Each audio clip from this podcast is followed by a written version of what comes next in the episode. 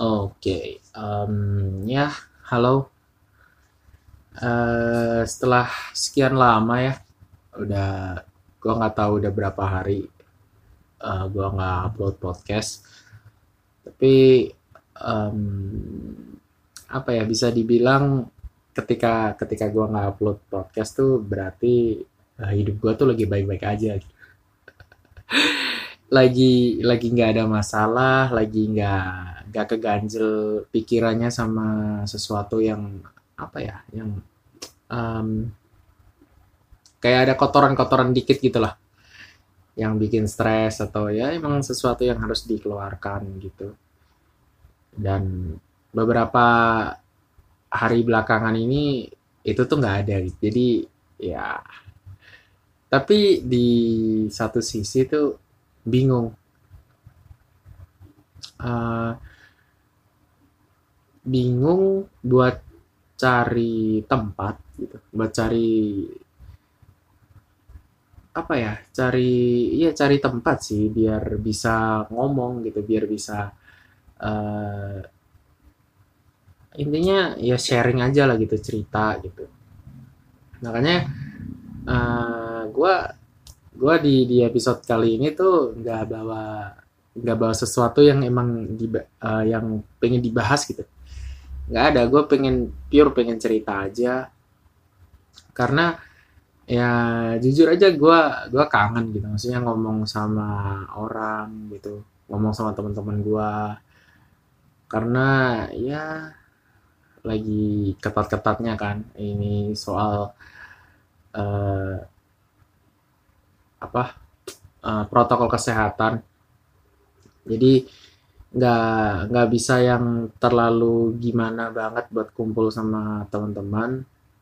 Ya frekuensinya udah udah berkurang banget lah gitu. Meskipun ya kadang anak-anak tuh masih ada aja gitu yang ngajakin kayak ayolah gitu kumpul-kumpul ya di sana nggak ada razia atau apa gitu. Tapi gua gua tetap nolak itu sih. Karena ya di satu sisi soal kesehatan di satu sisi juga gue nggak pengen digerebek. Karena iya gue nggak mau berurusan dengan hal-hal kayak gitulah. Ini udah udah ditambah.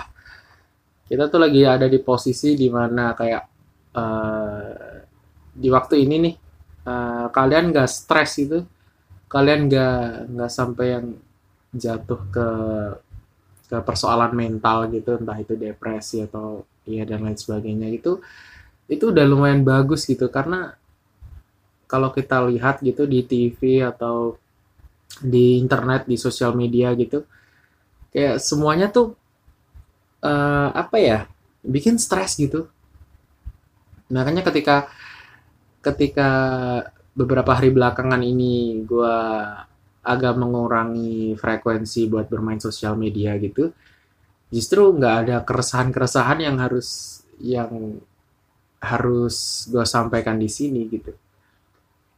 Ya bersyukurnya itu sih. Bersyukurnya ada kesibukan dan uh, pada akhirnya itu bikin gue terus berpikir pasnya memutar otak gitu untuk untuk fokus aja ke kesibukan itulah gitu. Nggak harus mikirin hal-hal yang yang apa yang nggak seharusnya gue pikirin gitu. Um, by the way, di kota gua untuk urusan protokol kesehatan ya, itu tuh udah mulai diperketat. Jadi yang yang dulunya cuman uh, sebatas oh ya itu kan bertahap tuh. Dari yang dulunya cuman teguran lisan terus akhirnya dipaksa untuk beli masker di tempat. Sampai sekarang tuh udah mulai ke denda. Jadi denda secara uh, uang tunai gitulah. 250 ribu kalau di kota gua. Jadi itu harus dibayar di tempat. Tapi gua gua nggak tahu gimana kalau kita nggak punya uang ya. Gua nggak tahu karena gua eh, nggak uh, pernah keluar. Maksudnya ketika keluar pun gua pakai masker dan itu frekuensinya tuh jarang banget ketika ketika gua nggak terlalu butuh-butuh banget gitu. Ya makanya itu tadi jadi alasan eh, gue kangen gitu ngomong. Gue kangen cerita cerita sama temen gue gitu. Makanya ini ini jadi jadi media buat buat gue uh, mengungkapkan apa yang pengen gue omongin gitu lah intinya. Kayak di uh, Jakarta tuh sekarang lagi PSBB yang ketat lagi ya.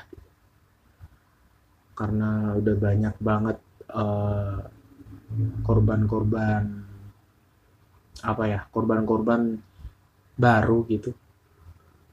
Korban-korban yang tiap hari itu frekuensinya terus nambah terus nambah terus nambah. Sampai uh, kalau nggak salah tuh kemarin tuh uh, tembus sampai 3000 kasus se, se dalam sehari itu itu tuh angka yang lumayan gede bahkan gede banget gitu untuk sebuah kasus uh, COVID gitu. Makanya banyak banget uh, ahli apa ya apa sih sebutannya tuh? Kayak pokoknya ahli dokter-dokter yang menangani pandemi gitulah intinya yang yang mereka tuh ahli gitu. Uh, itu tuh bilang kalau Indonesia ini butuh langkah yang benar-benar konkret gitu biar menangani apa dalam menangani kasus soal covid ini gitu. Soalnya angkanya tuh bener-bener gede gitu.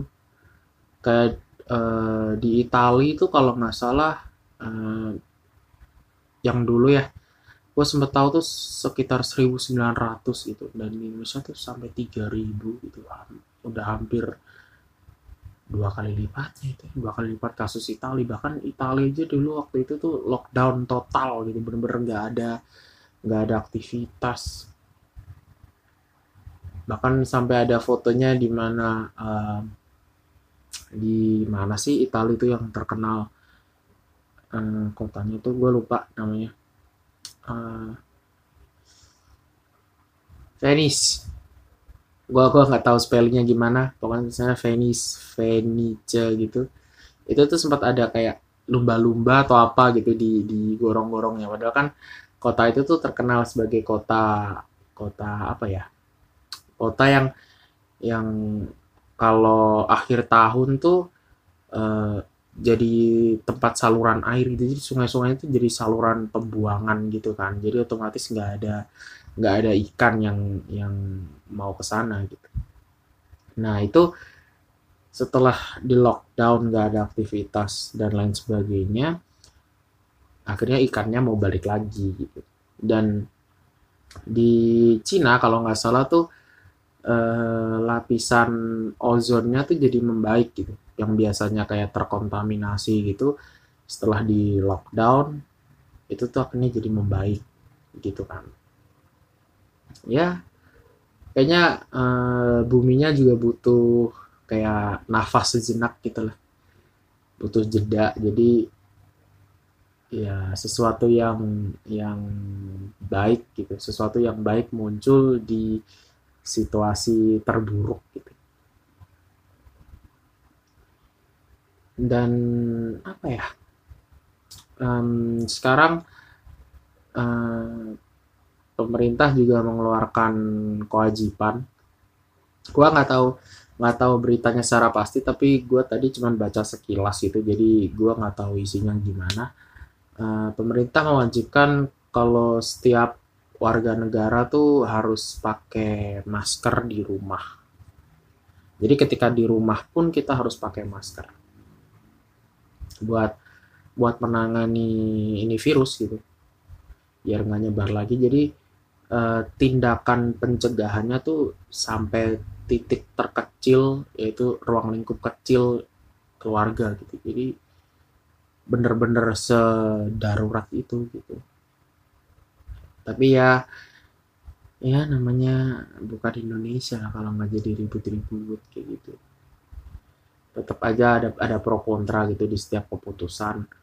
Tapi yang yang apa ya yang bikin uh, ngeganjel di di pikiran gua tuh oh ya akhirnya akhirnya ada sesuatu yang mengganjel ya. Gua barusan kepikiran. Jadi pada akhirnya ada sesuatu yang harus gua ungkapkan. Yang bikin ngeganjel tuh kenapa pemerintah tuh tetap tetap ngadain pilkada gitu? Pilkada serentak tuh buat buat apa juga gitu menurut gua. Kayak uh, kita ini kan menghindari kumpul-kumpul nih gitu. kita eh, nggak uh, boleh sekolah bahkan mall sempat tutup terus kita nggak boleh nongkrong dan lain sebagainya. Tapi kita harus datang ke TPS buat nyoblos gitu. Loh itu menurut gue sesuatu yang lumayan membingungkan juga gitu. Apa apa se sedarurat itu gitu loh untuk untuk kita ngadain pemilu gitu. Kayak di di apa ya di daerah gue juga udah mulai ada kayak suara-suara um, kecil gitu saut-sautan kecil untuk terkait penolakan soal pilkada ini. Ya apa ya karena karena aneh gitu. Maksud gue kayak kita nih dilarang segala macem nih kayak sekolah terus uh, bahkan kita harus kerja dari rumah WFH gitu kan. Terus uh, yang Gojek juga mulai dibatasi buat penumpangnya gitu-gitu. Jadi kayak semua sektor tuh ditekan biar nggak berkumpul gitu. Tapi kita harus tetap nyoblos. Di mana nyoblos ini udah jelas kerumunan orang gitu. Even itu nggak nggak ada orang yang nyoblos ya. Minimal ada panitianya lah. Dan panitianya itu kan berkumpul pasti gitu. Jadi ya ya menurut gue sesuatu yang membingungkan sih kayak mind blowing aja gitu. Jadi untuk soal yang yang pemilu itu gua gua nggak tahu sih harus gimana gitu. Karena um, apa ya dari dulu tuh soal soal pemilu tuh menurut gua nggak pernah nggak pernah enak gitu. Kayak kayak selalu ada ada apa ya keluhan keluhan-keluhan kecil kayak yang kasus-kasus kayak suara-suara dicoblosin sendiri dan lain sebagainya gitu. Jadi um, menurut gua tuh kita tuh kayak dikasih pilihannya tuh apa ya uh, sudden death gitu loh bisa dibilang gua jadi antara uh, lu datang tapi kena corona atau ketika lu nggak datang bisa bisa terjadi kemungkinan-kemungkinan kayak yang tadi gue sampaikan gitu.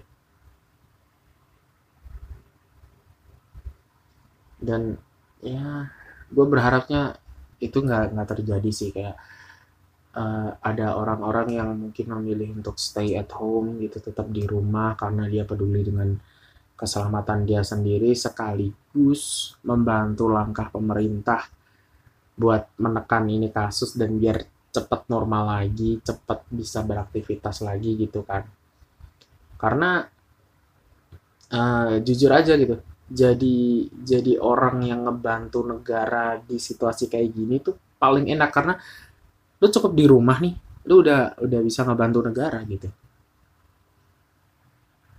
Cukup di rumah aja terus uh, tetap cuci tangan tetap jaga kebersihan minum vitamin dan lain sebagainya. Pokoknya sesuatu yang yang bikin imun kita imun kita tuh tetap terjaga gitu itu udah udah ngebantu negara banget gitu.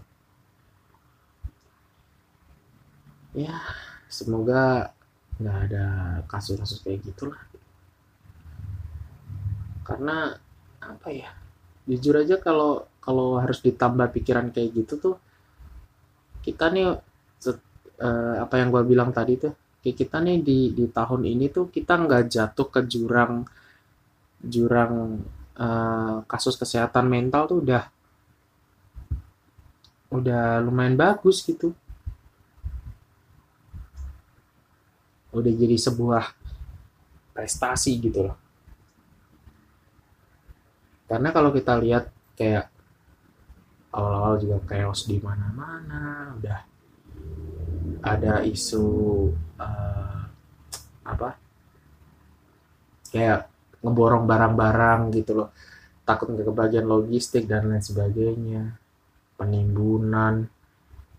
Ya dan kita harus bertahan dengan masker yang harganya sekotak tuh bisa nyampe 350 ribu. Itu tuh kita nggak jatuh di di jurang kesehatan mental tuh udah udah bagus banget. Ditambah makin makin ke sini uh, isunya yang covid ini udah jadi isu kelas. Ya jadi antara pertarungan si si yang punya duit dan mereka yang nggak punya duit gitu. Ya gitulah. Tapi ya semoga semuanya membaik lah.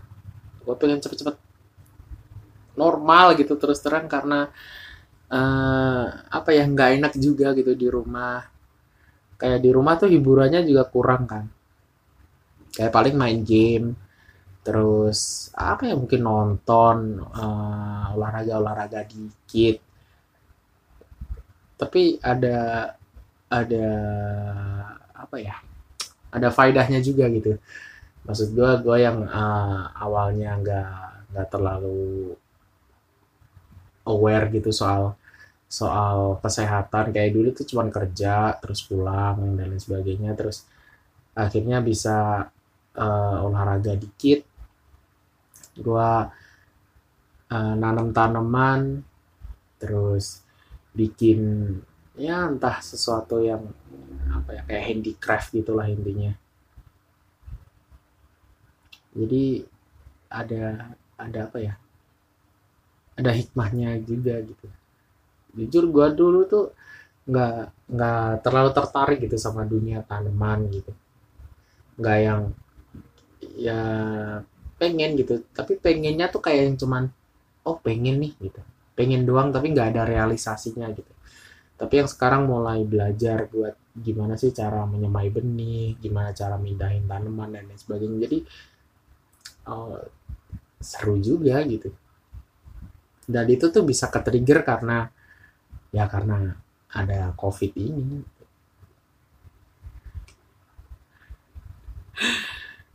Tapi ya nggak nggak sebanding juga sih.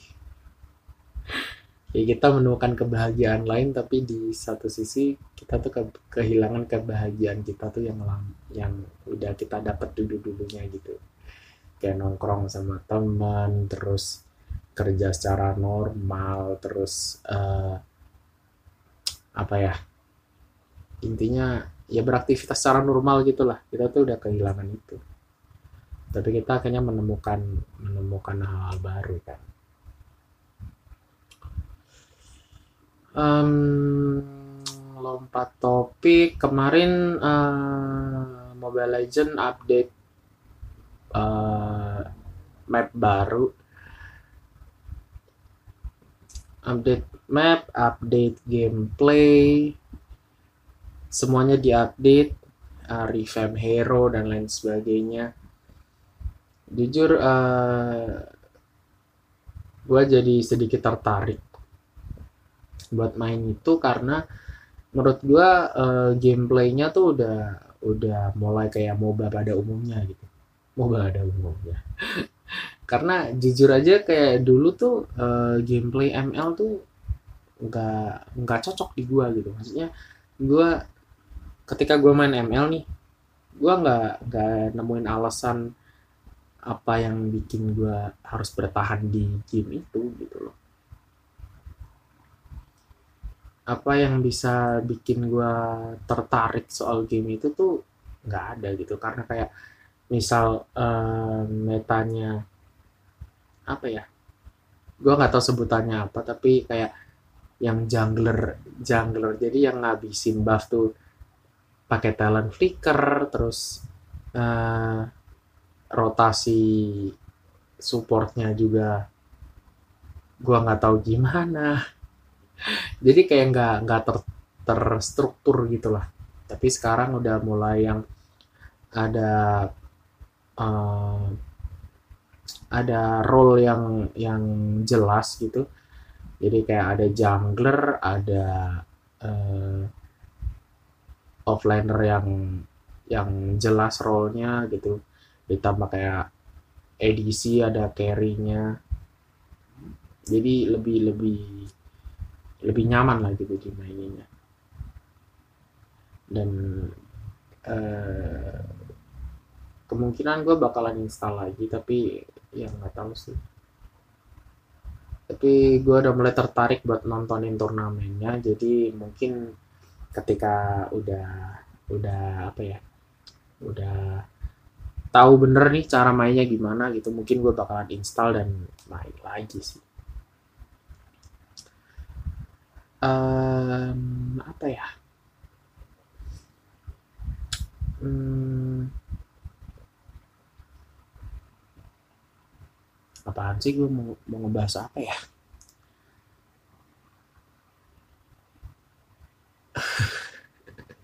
gue bingung nggak ada topik. Oh ya. Um, kemarin tuh di di grup gue tuh ada kasus pelecehan seksual. Dan yang yang ngelakuin ini si pelaku ini tuh seorang pria yang udah beristri gitu loh. Ngelakuin pelecehan ke ke wanita umur di bawahnya gitulah. Dan rame banget yang ngehujat karena eh, apa ya? Alasannya tuh nggak make sense gitu. Maksud gue kayak eh, gua gua nggak tahu latar belakang ini cewek tapi dari bukti yang dilampirkan temennya si cewek ini si cewek ini dibilang eh, nggak uh, suka sama cowok. Entah itu dia uh, apa ya dia lesbian atau emang emang apa ya mungkin masih straight tapi kayak kayak enggak gimana ya nyebutnya ya? Pokoknya intinya dia nggak dia bilang nggak suka cowok gitu. Kita uh, apa ya gua nggak tahu istilahnya sih kayak yang nggak suka cowok gitu apa. Ya tapi gue gak, nggak mau nyebut lesbian juga tapi ya intinya sebut aja gitulah dia nggak suka sama cowok gitu. Terus si pelaku ini ngajakin uh, video call gitu. Ngajakin video call uh, ngajakin VCS gitulah intinya. Itu tuh si si cowok ini maksa-maksa si ceweknya gitu dia bilang dengan dalih biar si cewek ini nggak trauma dengan cowok lagi gitu. Itu itu menurut gue alasan tergoblok yang bisa di dikasih buat dalih pelecehan seksual yang gue tahu selama ini ya gitu. Dan uh, eh, gue nggak tahu gue nggak tahu apa ya gue nggak tahu ini ini dia sendiri tapi pakai akun lain atau ini emang bener-bener istrinya gitu dan istri di di chat itu tuh ada ada kayak apa ya ada orang lain gitulah ada orang lain yang bilang bahwa si pelaku ini si cowok ini melakukan hal itu murni untuk menolong si cewek tanpa ada tendensi nafsu sama sekali gitu.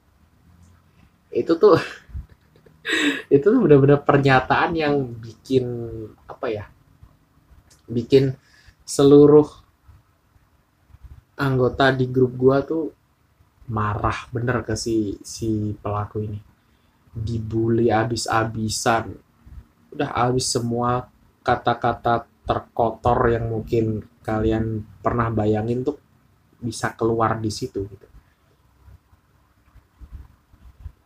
jadi dari mulai postingan si temannya si cewek ini udah di di apa ya di komentar tuh hampir 2300 komentar. Kemudian pada akhirnya jadi ada ada klarifikasi dari si cowok ini dan itu gue lihat udah seribu berapa gitu komentar. Kemudian itu kan ada permintaan maaf tuh. Ada yang bilang bahwa minta maafnya gini doang sih kayak lu nggak niat minta maaf gitu. kayak ketika lu ngelecehin cewek gitu minta maafnya tuh yang lebih niat gitu. Gua nggak terima ya kalau kalau uh, ini disebut sebagai permintaan maaf ada yang bilang kayak gitu. Terus pada akhirnya si cowoknya ini bikin klarifikasi gitu bikin permintaan maaf pakai video. Pakai video dia pakai masker kan gitu si cowoknya ini ngerekam ya intinya permintaan maaf gitulah. Pakai masker gitu. Dan itu masih mengundang bulian sampai 1700-an kalau nggak salah. Dan ada lagi video permintaan maaf dia sama istrinya. Jadi mereka berdua duduk bareng gitu terus akhirnya minta maaf. Ya gitulah. Tapi apa ya? Subjektif sih. Gua gua gua mandangnya tuh subjektif banget gitu. Ini ini berdasarkan gua sendiri ya. Pemikiran gua tuh gua nggak nggak pengen ngebully orang tapi kayak orang-orang kayak gini tuh emang menurut gua pantas dibully gitu loh. Kayak kita kita bukan bukan ini, ini menurut gua ya. Kayak kita tuh bukan manusia gitu ketika ketika kita bisa dengan gampangnya bilang kayak uh, ya harusnya kayak gitu tuh dimaafin atau apa gitu. Menurut gua sih itu kayak, kayak apa ya? Ya istilahnya tuh ngomong doang gampang gitu loh. Tapi ketika itu menimpa menimpa keluarga atau ya mungkin saudara lu gitu itu tuh udah beda lagi gitu kita bisa bilang kayak gitu tuh karena karena si korbannya ini bukan bukan orang-orang terdekat kita gitu makanya uh, ketika ada kasus kayak gitu entah itu di Twitter entah itu di Facebook atau di mana pun itu gue nggak pernah mendukung si si pelaku gitu apa pun alasannya ya. Dia melakukan pelecehan itu kan berarti udah yang namanya pelecehan itu kan berarti udah nggak ada konsen di sana gitu. Nggak ada persetujuan dari si korban gitu loh. Apalagi kayak yang di kasus ini tuh si korbannya sampai nangis nangis sampai yang VN ke si si temennya ini dia nangis dia dia nangis sambil cerita gitu. Dan si ceweknya ini juga masih masih apa ya? Masih ada sedikit kasihan gitu. Kan si si cowoknya ini kan leader guild gitu kan. Di di game ya emang ini. Leader guild gitu. Dia mau uh, maksud apa ya? Yang yang dimaksud ceweknya tuh yang si ceweknya ini mau si cowoknya ini doang gitu yang yang jadi yang kalau misal di niat kalian dibully ya udah bully si cowoknya ini doang gitu. Jangan sampai member-member yang member-member guild dia yang lain tuh jadi kena bulian gitu. Karena kadang orang kalau mau ngebully kan nggak nggak apa ya nggak mandang itu siapa gitu. Tapi ketika udah uh, kayak misal nih uh, ada temen lu gitu melakukan kejahatan. Uh, let's say uh, dia jadi bandar narkoba gitu lah, jadi bandar narkoba. Orang-orang udah mulai ngejauhin dia karena dia pakai narkoba dan lain sebagainya tak membawa pengaruh buruk atau ntar ikut-ikutan keciduk atau apa gitu. Tapi ketika lu jadi temennya dia gitu, kadang orang tuh masih ngebully lu gitu. Kayak ih temenan sama bandar narkoba dan lain sebagainya. Jadi si cewek ini nggak mau nggak mau kejadian kayak gitu menurut gue udah udah itu udah udah apa ya? Si cewek ini udah udah nggak ngejatuhin lo secara secara kayak apa sih? Dia abisin gitu loh. Dia masih mikirin perasaan orang-orang di sekitar di sekitar si cowok ini gitu loh. Ya.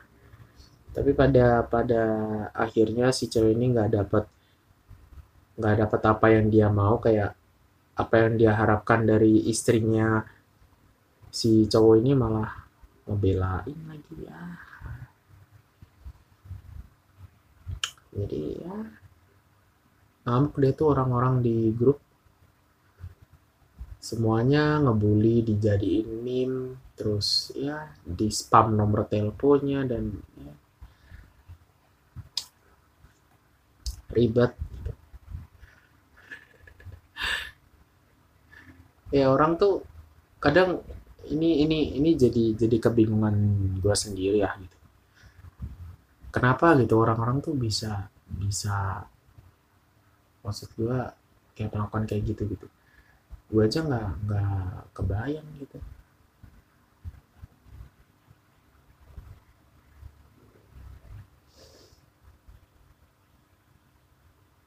kayak melakukan pelecehan seksual di transportasi umum.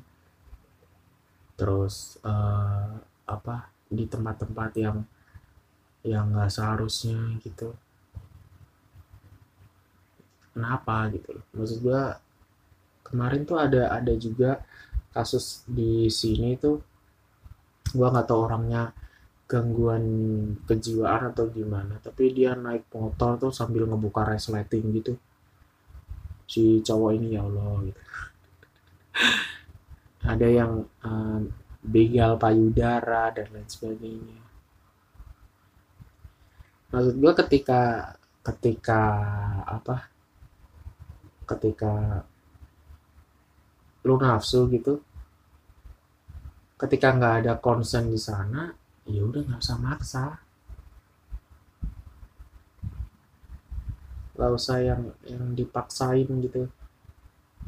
Kan juga udah ada kayak uh, orang-orang yang menyediakan jasa untuk itu gitu loh. Ya jalan satu-satunya ya cukup nabung atau apa kek gitu. Pokoknya dapat duit terus ya udah ke sana gitu. Ke orang yang emang jual itu. Ya tapi emang kadang kalau nggak nggak ada kayak gitu kayaknya kehidupan nggak berwarna ya. Tapi enggak sih menurut gua. Nggak banget. Gila. Gua waktu denger denger apa klarifikasinya itu tuh ada rasa emosi gitu. Karena gue kayak mikir gimana ini kalau kalau ini tuh menimpa entah ponakan gue entah uh, sepupu gua atau bahkan berpikir buat uh, anak-anak gua nanti atau istri gua nanti gitu. gua nggak kebayang aja gitu. Apalagi gua punya ponakan yang masih SMP gitu. SMP kan juga masa-masa di mana si si cowoknya punya libido tinggi dan si ceweknya ini nurut-nurut aja gitu ya semoga nggak pernah terjadi lah kayak gitulah. Karena apa ya um, soal kasus-kasus pelecehan seksual kayak gitu tuh bisa bikin trauma yang benar-benar mendalam banget kan buat si korban. Ditambah kalau misal itu sampai terjadi ke pemerkosaan dan terjadi eh, kehamilan gitu. Makanya kenapa kemarin eh, ada orang-orang yang sempat protes maksudnya me, menyatakan sebuah pendapat gitu di mana ketika eh, ada wanita yang menjadi korban perkosaan dan kemudian hamil ada yang minta untuk itu diaborsi aja gitu. Minta persetujuan untuk diaborsi gitu. karena selama ini uh, aborsi itu cuma di diizinkan ketika itu tuh udah udah meng, mengancam keselamatan gitu. Jadi bukan soal isu moral atau sosial gitu kan. Tapi nggak tahu akhir-akhir ini isu itu tenggelam. Yang lagi yang lagi rame banget kemarin dibahas kan ya itu soal undang-undang RUU PKS itu kan. Dan gue nggak tahu kelanjutannya sampai sekarang. Ya semoga nanti ada ada um, ada blow up soal isu itu. Jadi ya at least kalau ada petisi gue bantu tanda tangan lah. Meskipun gue gua nggak tahu ya sejauh ini di Indonesia tuh kayak change.org itu ada ada impactnya nggak sih gitu? Maksudnya untuk untuk di sektor pemerintahan ya. Gua nggak tahu ada impactnya atau enggak tapi kayak mungkin kalau di di sektor-sektor sosial gitu mungkin udah ada kasus-kasus yang yang uh, dalam tanda kutip selesai gitu lewat petisi online kayak gitu. Tapi untuk di sektor pemerintahan gua gua kurang tahu. Jadi mungkin gua perlu perlu cari tahu soal inilah gitu. ya um, kayaknya udah itu aja kali ya. Udah lumayan apa ya lumayan lega lah bisa ngomongin hal-hal barusan karena ya balik lagi ke apa yang udah gue sampein di awal perlu media buat ngomong gitu. Dan untungnya gue hidup di 2020 di mana ada sebuah teknologi yang bernama podcast. Meskipun gue uh, nggak pengen bukan nggak pengen ya apa ya orientasinya tuh bukan soal terkenal atau emang kayak dijadiin konten konten kayak di uh, eh, podcast podcast yang terkenal kayak misal kayak podcast mas terus ya Didi Corbuzier atau apa gitu. Enggak lah gue pengen jadi ini nih media buat ngobrol-ngobrol. Uh, ngobrol -ngobrol yang nggak ngobrol juga sih orang gue selalu sendirian tapi kayak pengen menumpahkan apa yang ada di kepala aja sih ya oke okay. um, udah gitu aja see you on the next episode bye